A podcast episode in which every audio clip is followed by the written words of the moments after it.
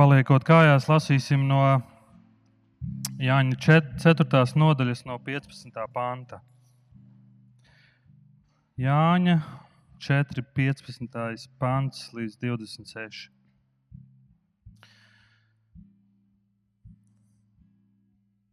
Sieviete viņam sacīja: Kungs, dod man šo ūdeni, lai man vairs neslāptu un man vairs nebūtu jānāk šurp smelt. Viņš tai sacīja: Ej, pasauc savu vīru un nāc šurp. Sieviete atbildēja: Man nav vīra. Jēzus viņai sacīja: Tu pareizi saki, man nav vīra, jo pieci vīri tev ir bijuši, un tas, ko, tas, kas tev tagad ir, arī nav tavs vīrs. To tu esi patiesi teikusi. Sieviete viņam sacīja: Kungs, es redzu, ka tu esi pravietis. Mūsu tēvi ir pielūguši Dievu šajā kalnā, bet jūs sakāt, ka tā vieta, kur jāpielūdz, ir Jeruzalemē.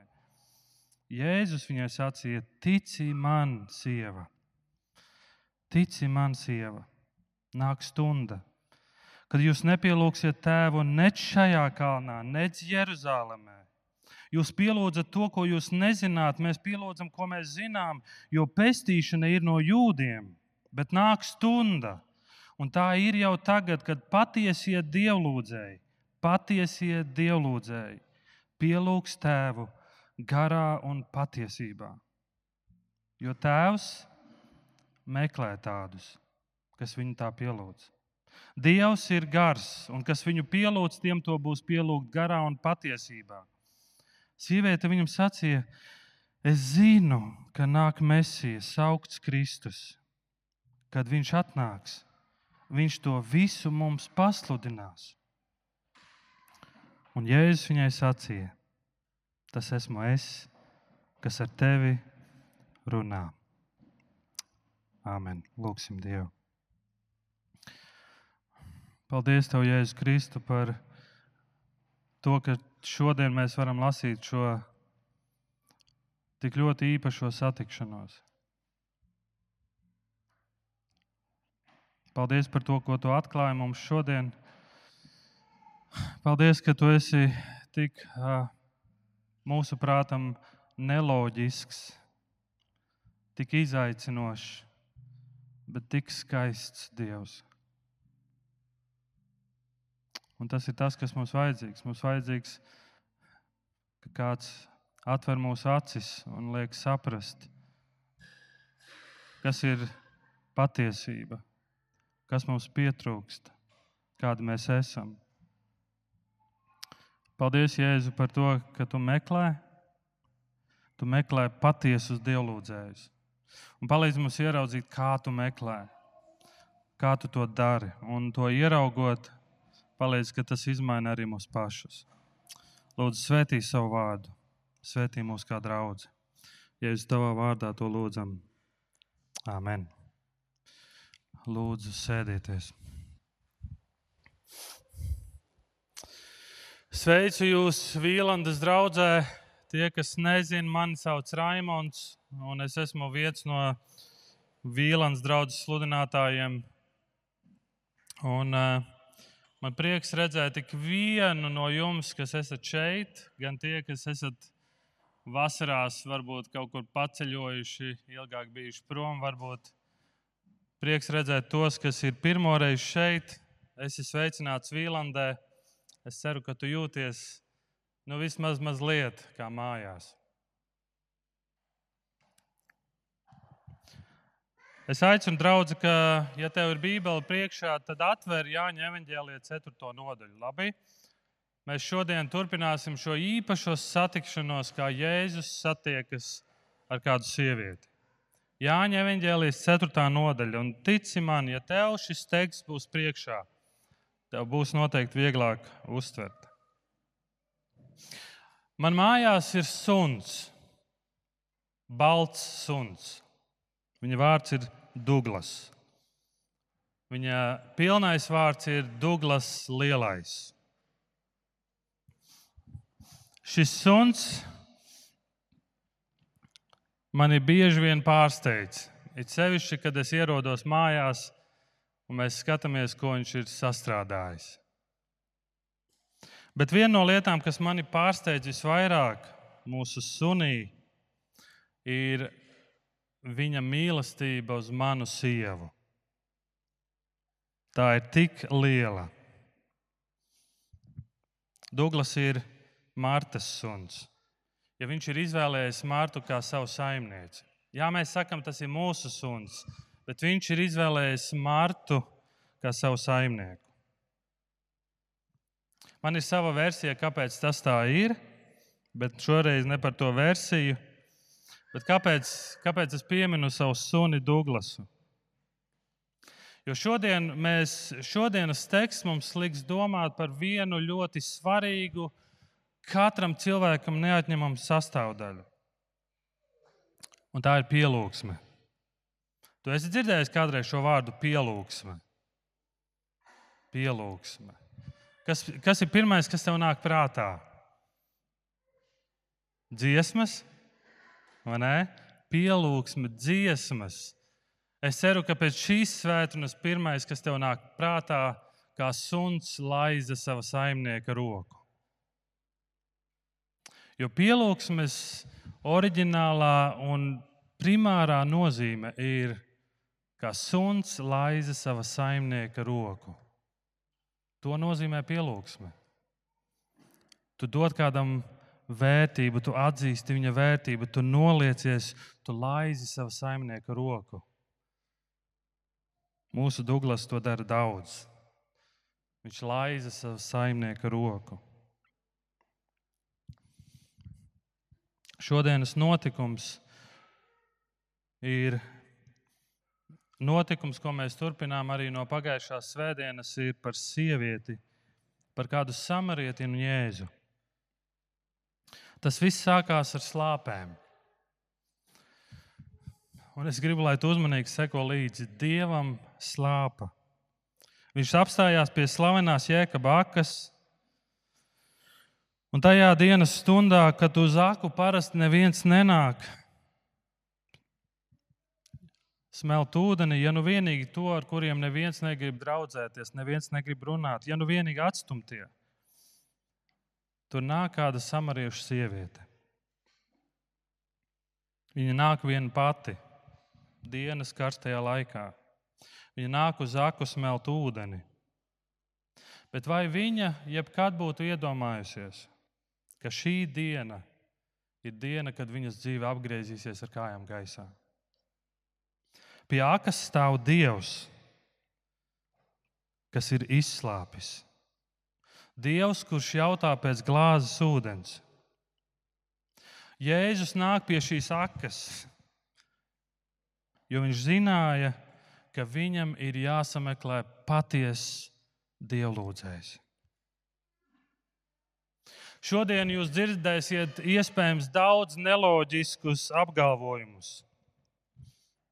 Daudz kas liksies neloģisks, citādāks, savādāks, bet es ceru, ka tu ieraudzīsi, ka tas ir kaut kas ļoti skaists. Mēs šodien būsim atkal liecinieki šai savādai, jocīgai, dīvainai sarunai, bet ļoti skaistai. Mana galvenā doma šodien ir pateikt, ka Dievs meklē patiesos dievlūdzējus, kas pielūdz garā un patiesībā. Dievs meklē patiesus dievlūdzējus, kas pielūdz garā un patiesībā. Un kā viņš to dara? Es gribu, lai tu domā par bateriju. Baterija. Ir dažādi veidi baterijas, vai ne? Bet šodien es gribu, lai tu domā par AAA veida bateriju. Baterija ir svarīga. Tā ir svarīga. Ja nav baterija, tad nedarbojas modinātājs. Ja nav baterija, tad kaut kas nedarbojas.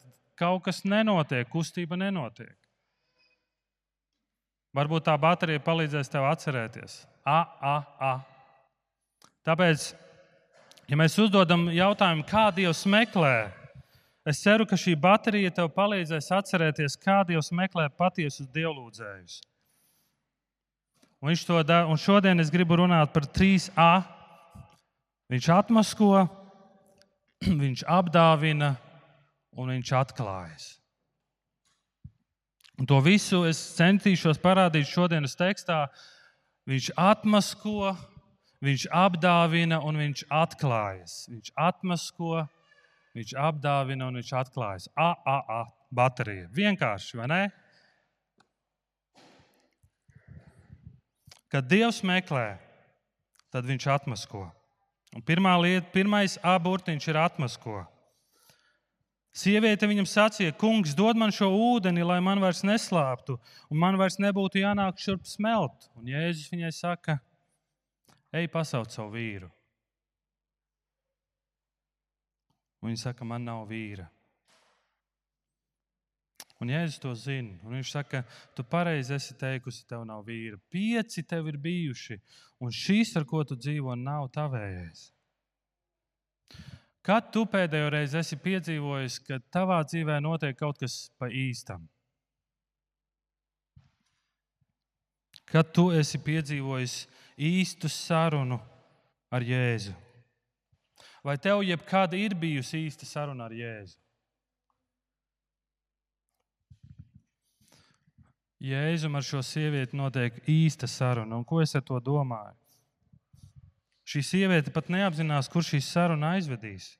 Pirmkārt, viņa ir ļoti pārsteigta, kad, kad jūdu vīrietis, kurš stāv pie ākas Samarijas pilsētā, vispār uzsāk sarunu ar viņu. Jo samarieši un jūdi nedraudzējās. Un kā lai to izskaidro? Paņem piemēru Ukraina un Krievija. Ukraiņi neies cauri Krieviju, un Ukraiņi nerunās ar Krievu tautības cilvēkiem. Un līdzīgi ir samariešiem un jūdiem. Jūdi neies cauri Samariju, un viņi noteikti nerunās ar samariešiem, jo samarieši ir nodevēji. Un tur pie akas stāv jūds, vīrietis, kurš uzsāk sarunu ar sievieti. Tā parasti nenotiek. Un sieviete ir pārsteigta. Un viņa noteikti domā, šis vīrs kaut ko no manis grib. Un, protams, ka viņš grib. Ko Jēzus vēlas no viņas? Jēzus viņai saka, dod man dzert. Jūdu vīrietis stāv un prasa viņai dzert. Bet šīs sarunas laikā Jēzus viņai saka, patiesībā Jēzus viņai piedāvā ūdeni. Viņš saka, tas ūdens, ko es dodu, tev ne, no tā tev nekad neslāps. Un šī sieviete visu uztver šobrīd tādā fiziskā līmenī, tas, ko viņa spēja redzēt un uztvert. Un Jēzus viņai saka, atved savu vīru. Atved savu vīru. Un lūk, kur saruna sākas pa īstam. Viņa saka, man nav vīra. Pieci vīri ir bijuši, un šis, ar ko tagad es dzīvoju, nav mans vīrs. Daudzi iespējams šo sievieti sauc par padauzu. Daudzi ar viņu negrib nekādu sakaru. Un Jēzus nāk un uzsāk ar viņu sarunu. Kad Dievs meklē patiesos dievlūdzējus, Viņš tos atmasko. Viņš atmasko viņas grēku, Viņš atmasko viņas nastu, viņš atmasko viņas kaunu, ar ko viņa staigā jau ilgu laiku un iet uz zaku dienas karstajā laikā viena pati bīstamā situācijā, tāpēc, kad neviens ar viņu nevēlas iet.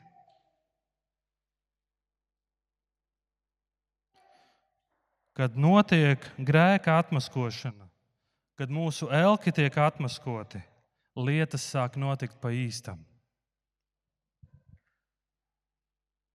Taču grēks nav vienīgā lieta, ko Jēzus atmasko. Viņš atmasko arī sievietes sāpes. Šīs sāpes, ko iespējams šie pieci vīri viņai ir nodarījuši. Un, kad es saku atmasko, tad es gribu, lai tu redzi, ka Jēzus pazīst tevi. Jēzus zina tavu grēku, un Jēzus pazīst tavas sāpes. Viņš zina, kam tu ej cauri. Viņš zina tavu nastu, viņš zina tavu kaunu, viņš zina tavu nespēju piedot. Viņš zina visu, kas ar tevi notiek. Patiesa pielūgsme, ir iespējama tikai tad, kad tu tiec atmaskots. Patiesa pielūgsme ir iespējama tikai tad, kad tu ieraugi savu nastu, ieraugi savu grēku, ieraugi nastu, ar kuru tu staigā, un cik ļoti tev ir vajadzīgs ūdens, kuru dzerot, tev vairs nekad neslāps. Cik skandalozi labas ziņas. Pats Dievs nāk pie grēcinieka, pie padauzas, lūgt glāzi ūdens. Bet Jēzus to lūdz, jo viņam slāpst. Viņam slāpst, jo viņam gribas dzert, bet vēl vairāk Jēzum slāpst, jo viņš grib, lai šī sieviete saņem ko tādu pretī, ko spēj dot tikai Jēzus. Ziniet, ko, bet šī sieviete neizskatās pēc patiesas dievlūdzējas. Ko Jēzus viņā tādu meklē? Ko Jēzus viņā tādu ir ieraudzījis? Ko nozīmē, kad Dievs meklē? Lūk, pirmā lieta, kad Dievs meklē, viņš atmasko. Šī atmaskošana samarītē liek noprast, ka Jēzus ir pravietis. Un tālāk mēs redzam, ka Jēzus viņai sāk atklāt kaut ko tādu, ko daudzi pravieši ir gribējuši dzirdēt un redzēt. Un es to saucu par apdāvināšanu. Tas ir otrais abortiņš šodien ka Dievs meklē patiesu dievlūdzēju. Viņš atmasko un viņš apdāvina. Sieviete viņam sacīja, Kungs, es redzu, ka tu esi pravietis. Mūsu tēvi ir pielūguši Dievu šajā kalnā, bet jūs sakāt, ka tā vieta, kur jāpielūdz, ir Jeruzaleme. Samariešiem un jūdiem vienmēr ir šis strīds, kurā kalnā. Jūs sakat, tajā, mēs sakam, tajā kalnā. Nāciet, nu, pastrīdēsimies. Varbūt viņa grib strīdēties ar Jēzu. Bet Jēzus nemazām nedomā strīdēties. Viņš nemazām netaisās iesaistīties šajā liekajā diskusijā. Kurš kalns, kura vieta ir pareizākā? Un tāpēc Jēzus saka, sieviete, viņš saka, tici man, sieva. Tici man, tici man, sieva. Tici man, vīrs, tici man, tu jaunieti, pusaudzi, puisi un meitene, mātes un tēvi, vectēvi un vecmātes. Tici Jēzus vārdiem. Un Jēzus saka, tici man, sieva, nāk stunda. Nāk stunda. Jēzus šai samarietei, šai sievietei, kurai bijuši pieci vīri un vīrs, ar ko viņa dzīvo, nav viņas, atklāja kaut ko tik unikālu un tik skaistu. Tu spēj iedomāties, kas šeit notiek. Jēzus atklāja Dieva lielo dāvanu, un ne tikai vienu, bet vairākas, un tāpēc es šo sadaļu nosaucu par apdāvināšanu. Jēzus parāda, ka Dievs nober dāvanas uz šo pasauli, apber šo pasauli ar dāvanām. Un viņš saka, nāk stunda, kad visa pasaule tiks apgriezta ar kājām gaisā. Nāk stunda, kad jūs nepielūgsiet tēvu ne šajā kalnā, ne Jeruzalemē. Un tas, ko Jēzus saka, lokācijai vairs nav nozīme. Lokācijai, geogrāfijai vairs nebūs nozīme. Bērni, jaunieši, mācieties geogrāfiju, tas ir svarīgi. Bet tas, ko Jēzus šeit saka, nebūs nozīme vairs kur, bet nozīme būs ko. Nozīme būs, ko tu pielūdz, nevis kur tu pielūdz.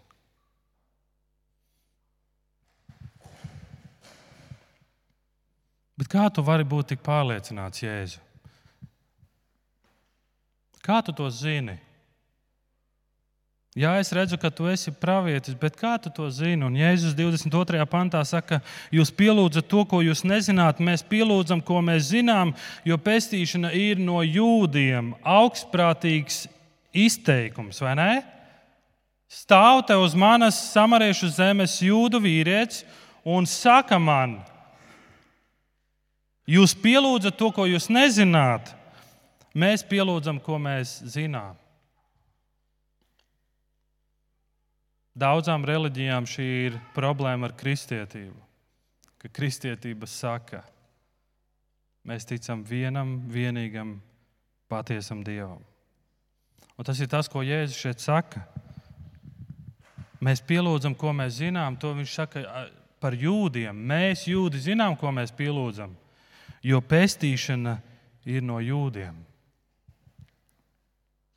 Lūk, kāpēc mēs šodien Latvijā, Latvieši Vīlandes Baptistu draugā, izmantojam šos svētos rakstus, kas nāk no jūdiem, kas nāk no jūdas zemes, kas tūkots, kas nāk no jūdiem. Lūk, iemesls, kāpēc mēs ņemam vērā un pētām jūdu vēstures grāmatu. Un vienalga, kādām konspirācijas teorijām tu tici, vai jūdi valda pār pasauli, vai čigāni, vai amerikāņi, tam nav nozīmes.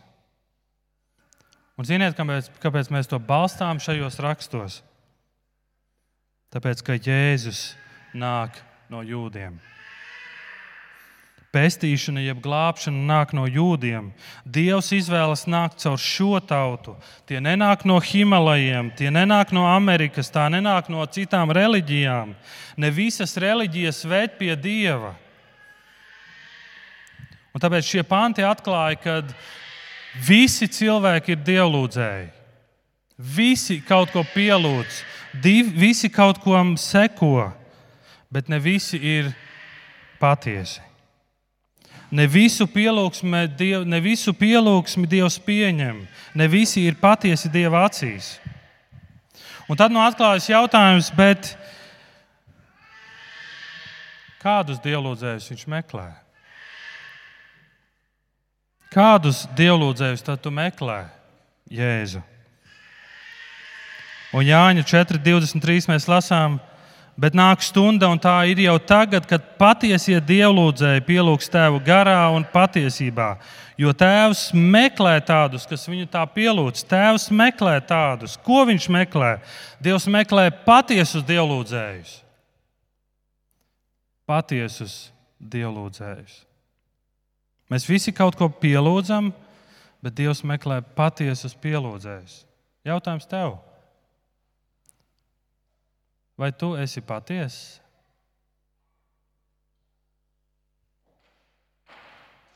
A kā var zināt, vai tu esi patiesa vai nē? Daudzi uz ielas kādam pajautās, teiks, es esmu patiesa, es esmu atklāts. Es esmu atklāts savos lēmumos, es esmu atklāts tajā savos grēkos, savos nodarījumos. Es esmu atklāts un, un paskaties manu gada pārskatu un manu deklarāciju. Es esmu atklāts, nekas netiek slēpts. Par ko tu runā? Protams, ka es esmu atklāts. Bet vai tu esi patiess? Jo Dievs meklē patiesus dievlūdzējus. Bet lūk, ir patiesa dievlūdzēja mēraukla, garā un patiesībā. Gars un patiesība, šīs divas lietas, ārpus šīm divām lietām nav iespējama īsta pielūgsme ārpus šīm divām lietām īsta pielūgsme nav iespējama. Kāpēc? Jo Dievs ir gars. Dievs ir gars. Mēs neesam, mēs esam fiziski ķermeņi, bet mūsu ķermenis ir ierobežots, limitēts, taču Dievs tāds nav. Dievs ir gars. Dievs, un, un tāpēc, ka Dievs ir gars, nozīmē, ka Dievs ir neredzams. Dievs ir neredzams. Un tas nozīmē, ka pieeja Dievam ir Mēs nespējam viņu redzēt ar savām fiziskajām acīm, bet pieeja Dievam ir ticība. Mēs nespējam viņu redzēt ar savām fiziskajām acīm, bet pieeja Dievam ir caur ticību. Kolosiešiem 1,15. Viņš ir neredzamā Dieva attēls, visas radības pirmdzimtais. Viņš ir neredzamā Dieva attēls. Jāņa 1,18. Dievu neviens nekad nav redzējis. Kurš no jums ir redzējis Dievu? Bībeli saka, neviens Dievu nav redzējis. Neviens. 1. Timotejam 6,16. Vienīgais, kam ir nemirstība, kas mīt nesasniedzamā gaismā. Viņu neviens cilvēks nav redzējis, ne spēja pat uzlūkot. Viņam vienīgajam mūžīgs gods un vara. Āmen. Lūk, iemesls, kāpēc mēs neesam redzējuši Dievu, jo viņu nevar redzēt, jo viņš ir gars. Tāpēc, ka Dievs ir gars, viņš ir visur esošs. Cilvēks nevar būt visur esošs. Es šodien, šajā brīdī esmu Vīlandē, bet es neesmu mājās. Bet Dievs ir Vīlandē un Dievs ir manās mājās. Viņš ir visur esošs. Dāvids psalmā 139. saka, kurp man doties prom no tava gara, kurp no tevis man laisties? Nav tāda vieta, kur es no tevis varu aizbēgt. Un tāpēc, ka Dievs ir gars, Viņš ir nedalāms, Viņš ir visur esošs. Un tur, kur Viņš ir, tur Viņš ir pilnīgi. Tur ir Dieva pilnība. Tik cik viņš ir dienvidos, tikpat daudz viņš ir ziemeļos. Cik viņš ir šeit, Vīlandē, tikpat viņš ir manās mājās, kur dzīvo mans baltais suns, un es nezinu, ko viņš šobrīd tur dara. Bet Dievs zina. Lūk, kā Dievs meklē dievlūdzējus. Viņš meklē dievlūdzējus, kas pielūdz viņu garā un patiesībā. Jo Dievs ir gars. Jo Dievs ir gars, un redziet, mēs tik ļoti pieķeramies lietām, vietām, lai mūsu pielūgsme notiktu. Ja mums nebūs tāda mūzika, tad nebūs pielūgsme, vai ne? Ja nebūs tāda atmosfēra vai lampiņas, tad pielūgsme nevar notikt. Ja nebūs šis mācītājs vai nebūs tas mācītājs, pielūgsme nevar notikt. Ja nebūs šī baznīca vai tā baznīca vai tas kalns vai tas kalns, pielūgsme nevar notikt. Mēs tik ļoti pieķeramies lietām. Bet šeit Jēzus saka, ka Dievs ir gars un viņu būs pielūgta garā un patiesībā, nevis tajā vai tajā kalnā. Vai tu redzi, kāda dāvana tā ir, ko Jēzus šeit sniedz viņai? Ko Jēzus sniedz ne tikai šai sievietei, bet viņš parāda, kas ir tā dāvana visai pasaulē. Vairs nevis kalns, bet persona Jēzus Kristus. Dievs ir gars un kas viņu pielūdz, tiem to būs pielūgt garā un patiesībā. Ko nozīmē garā un patiesībā? Garā tas nozīmē, ka pielūgsmē noteicošais vairs nav āršķirīgais, bet tas, kas notiek tavā sirdī. Tas, kas tu esi, tava būtība, tavs iekšējais cilvēks. Gudrais Salamans saka, vairāk par visu sārgi savu sirdi, jo no tās dzīvība izvērt. 1. samuēlējuma 16.7. Dievs saka, jo es neskatos to kā cilvēki. Cilvēks raugās ar acīm, bet kungs redz sirdi. Kad Jēzus parādījās pēc augšām celšanās, parādījās diviem saviem mācekļiem, un viņi gāja pa ceļu. Jūs atceraties šo notikumu? Un Jēzus iet ar viņiem, un viņi nesaprot, ka tas ir Jēzus, un Jēzus viņiem izskaidro rakstus.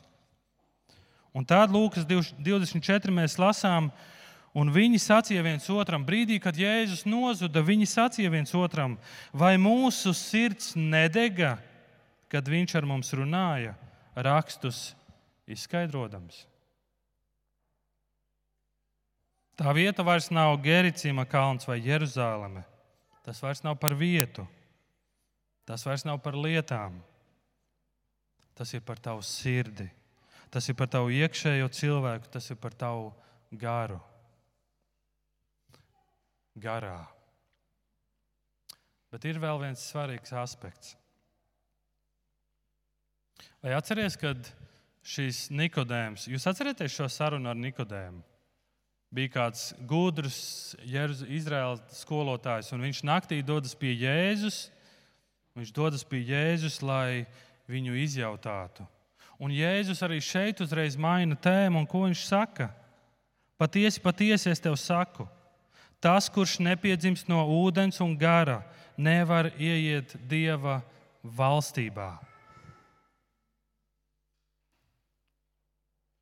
Un Jēzus šeit norāda, ka viņam ir jāpiedzimst no augšienes. Kāpēc? Kāpēc tas ir tik svarīgi? Un klausies uzmanīgi. Tāpēc, ka īsta pielūgsme ir iespējama garā, kas ir piedzimis no augšienes. Īsta pielūgsme ir iespējama tādā iekšējā cilvēkā, kuru svētais gars ir izmainījis. Tikai kas ir piedzimis no augšienes. Tikai tāds spēj būt patiesa dievlūdzējs. Ja tavs iekšējais cilvēks nav piedzimis no augšienes, tad īsta pielūgsme nav iespējama. Un tad ir otrā lieta - patiesībā. Ko nozīmē garā un patiesībā? Tā ir bibliska patiesība tā ir apstuļu mācība. Tas ir tas, ko Pāvils nepārtraukti atkārto un saka, palieciet šajā mācībā. Tie ir Dieva baušļi, tie ir Jēzus, tās ir Jēzus pavēles, tas ir Jēzus vārds. Mēs varam būt patiesi savā garā, bet ja mums nav patiesība, tad šis patiesums nav īsts. Šis patiesums nav īsts. Patiesība ir tā, kas stimulē pielūgsmi. Patiesība ir tā, kas iesāk pielūgsmi. Patiesība ir tā, kas, to, kas tai dod enerģiju, kas tai dod bateriju. Tā ir patiesība. Jēzus saka Jāņa 14,6. Es esmu ceļš, patiesība un dzīvība. Es esmu patiesība.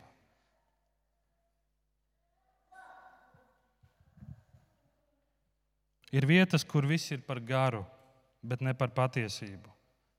Un to var nosaukt par fanātismu, par misticismu vai tikai hype, kā jaunieši to saka.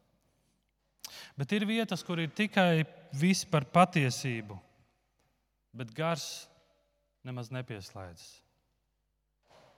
Tu veic pierakstus, tu uzzini jaunas lietas, tu zini jaunas lietas, tu esi aizrauc ar to, bet tavā dzīvē neseko nekāda atbildes reakcija. Un tā nav patiesa pielūgsme. Jo Jēzus saka, es meklēju, Dievs meklē tādus, kas pielūdz garā un patiesībā. Tur, kur ir visa tava būtība, kas ir izmainīta, kas seko Kristum un kas ir balstīta uz Kristus patiesību, kur ir atbildes reakcija kur ir zināšanas un ir spēks arī tam paklausīt, ko tu esi dzirdējis. Un tā atbildes reakcija, ko Dievs sagaida, ir pielūgsme.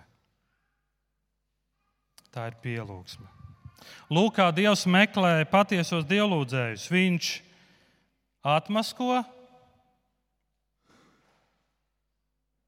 viņš apdāvina, dāvājot dēlu, dāvājot Jēzu Kristu personu, ko mēs pielūdzam, dāvājot savu svēto garu, kurš izmaina mūsu iekšējo cilvēku. Viņš apdāvina tik ļoti. Un ir trešā lieta, kad Dievs meklē patieso dievlūdzēju, viņš atklājas. Atklāšanās. Sieviete viņam sacīja, es zinu, ka nāk Mēsijas, saukts Kristus, kad viņš atnāks. Viņš to visu mums pasludinās. Es zinu, šī samarieta, šī sieviete kaut ko zina. Viņa zina, ka kaut, kas, kaut kad nāks šis Mēsija. Es to biju dzirdējusi, vai es to biju klausījusies kaut kur. Arī samarieši tic, kad nāks Mēsija. Vai viņa zināja, ka šo pravietojumu Ecehiela grāmatā. Ecehiels teica pravietojumu 37. nodaļā. Es tos darīšu par vienu tautu vienā zemē, Izraēla kalnos, un pār tiem visiem valdīs viens ķēniņš. Nebūs vairs divu tautu, un tie vairs nesašķelsies divās valstīs. Tie vairs neaptraipīsies nec ar elkenu, nec preteklībām, nec pārkāpumiem, un es tos paglābšu atkriš, no atkrišanās un šķīstīšu. Viņi būs mani ļaudis, un es būšu viņu dievs. Vai šo samarieti bija dzirdējusi? Vai šo samarieti zināja?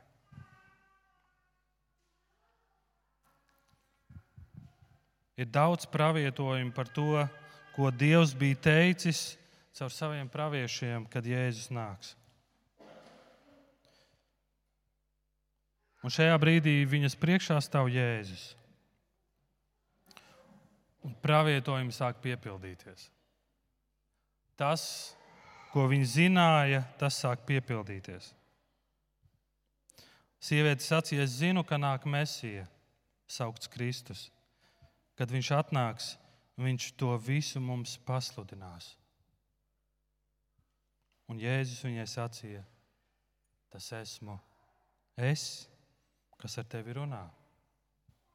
Tas esmu es, kas ar tevi runā. Tas esmu es, kurā viss piepildās. Tas esmu es, kurš, palīdz, kurš tev palīdzēs pielūgt garā un patiesībā. Tas esmu es, kurš savedīs tautas kopā. Tas esmu es, kurš tevi var atbrīvot no tava kauna, no tavas nastas, no tava grēka. Tas esmu es. Nu, tad tu iedos man to ūdens glāzi. Tekstā tas neseko. Es tikai domāju, vai viņa iedeva viņam padzerties. Vai tu atceries savā dzīvē, vai tu savā dzīvē esi piedzīvojis brīdi, kad Jēzus stāv tavā priekšā un viņš tev saka, tas esmu es. Es esmu īstais glābējs. Es esmu īstais glābējs, patiesais glābējs. Ja tu esi to piedzīvojis, vai tu atceries to dienu, kad tas notika? Tas notika pie akas, vai tas notika baznīcā, vai tas notika klusā kaktā, tavā istabā, vai tu atceries to dienu? Lūk, kā izskatās dieva meklēšanas darbs. Tas ir dīvains, tas ir ļoti dīvains un neloģisks, bet tas ir skaists. Viņš atmasko grēcinieku, viņš apdāvina un viņš atklāja savu identitāti.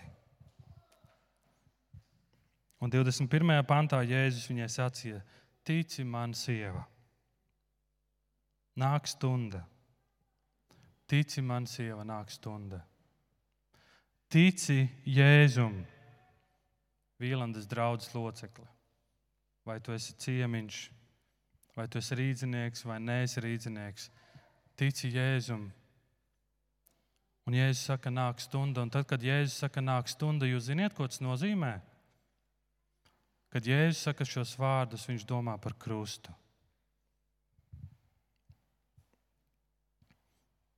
Viņš zināja, ka pienāks brīdis, kad viņu sitīs krustā.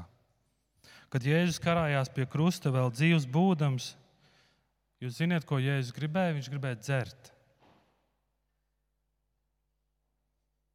Bet neviens viņam neiedeva dzert kaut kas prātam neaptverams, kaut kas neloģisks. Dievs, kas ir radījis visu pasauli, kurš ir radījis okeānus, un akas, un upes un strautus, ir izslāpis, un neviens viņam nedod dzert. Viņš var, nevar dabūt pat vienu glāzi ūdens. Un iespējams pie krusta viņš atminējās šo samariešu sievieti, kuras dzīve tika izmainīta. Un iespējams pie krusta viņš domāja par visiem mums. Un viņš zināja, ka tavā brīdī būs brīdis, kad tu būsi tik izslāpis, tu staigāsi ar savu nastu un tu sauksi, dod man dzert. Un Jēzus saka, tāpēc es to daru. Un pie krusta viņš saka, viss piepildīts. Kad Jēzu piesita krustā, reliģiskie vadītāji devās pie Pilāta un dev, lūdza atļauju krustā sistēmām salauzt kāju kaulus, lai tie ātrāk nomirtu, jo nāca sabats un vajadzēja ātrāk noņemt šos no krusta. Bet Jēzus kauli netika salauzti, jo Jēzus jau nomira. Tāpēc viens no romiešu karavīriem, jūs zināt, ko viņš izdarīja? Viņš paņēma spieķi un Jēzus sānavas. Briesmīgi. Un no viņa sāniem iztecēja asins un ūdens. Un iespējams šis samarietis, kad, dzird, kad viņa to dzirdēja, viņa atcerējās vārdus, ko Jēzus viņai teica kurš dzers no ūdens, ko es tam došu, tam neslāps ne mūžam. Ūdens, ko es tam došu, kļūs viņā par ūdens avotu, kas verd mūžīgai dzīvībai. Jēzus stāv pie akas un gaida samarieti. Gaida, jo viņš meklē viņu. Meklē nevis, nevis tāpēc, ka viņa ir patiesa dievlūdzēja. Un šī ir tā jocīgā, savādā lieta par Dievu. Dieva meklēšanas veids iekļauj, kad meklējot, viņš tevi veido par īstu dievlūdzēju. Viņš tevi pārveido, viņš dara visu, lai tu būtu dievlūdzējs. Tā ir dieva meklēšana. Vislaimīgākais savā dzīvē ir tas cilvēks, kurš pielūdz Dievu garā un patiesībā. Es zinu, ka daudziem no Vīlandes nepatīk viens jautājums, ko es uzdodu. Un viņi saka, Raimonds, ej to ar savu jautājumu. Nu, labi, viņi tā nesaka. Bet reizē man tā šķiet. Un šis viens no jautājumiem ir, vai tu esi laimīgs? Vai tu esi laimīgs? Vai tu esi piedzīvojis šo satikšanos ar Jēzu, kad viņš tev varbūt kaut ko jautā? Bet, ja tev Jēzus kaut ko jautā, viņš grib tev dot kaut ko tādu, ko tu nekad, nekad neiedomāsies. Lūksim Dievu.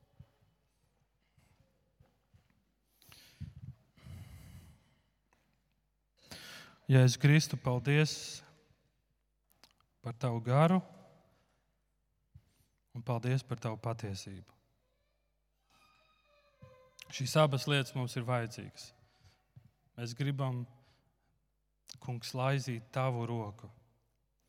Mēs negribam laizīt rokas mūsu elkiem. Mēs gribam būt uzticami tev. Es ļoti lūdzu, lai mūsu draudzē, jā, es ļoti lūdzu, lai mūsu draudzē mēs esam tie, kuriem mums ir patiesas sarunas ar tevi, Jēzu lai mēs nestaigājam kā tādi izslāpuši, lai mēs neizliekamies savā pielūgsmēs, lai mēs ieraugam, ka tas ūdens, ko tu piedāvā, tas ir kaut kas īsts, tas ir kaut kas patiess.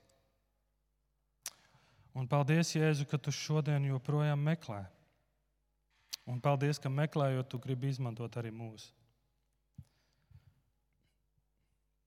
Jā, ūdens mums apkārt ir tik daudz. Bet tādu ūdens glāzi kādam pasniegt bieži vien ir tik grūti. Palīdz mums par to domāt, kad mēs izējām no, šīm, no šīs baznīcas. Kā mēs varam būt iesaistīti tavā meklēšanas darbā? Palīdz, lai mums sāp tā, kā tev sāp. Un, Jēzu, ja šeit ir kāds, kurš vēl tevi nepazīst, kurš nav uzticējis savu dzīvi, kurš vēl nav īstais dievlūdzējs, Es ļoti lūdzu, ka tu satiec. Vienalga, vai tas ir pie akas, vai tas ir pie laimas pulksteņa, vai tas ir baznīcas solā. Es ļoti lūdzu, ka tu pieskaries un ka tu izmaini. Paldies par šo veco stāstu, kas ir tik spēcīgs šodien un mums tik ļoti vajadzīgs. Svētīts, lai top tavs vārds. Amen.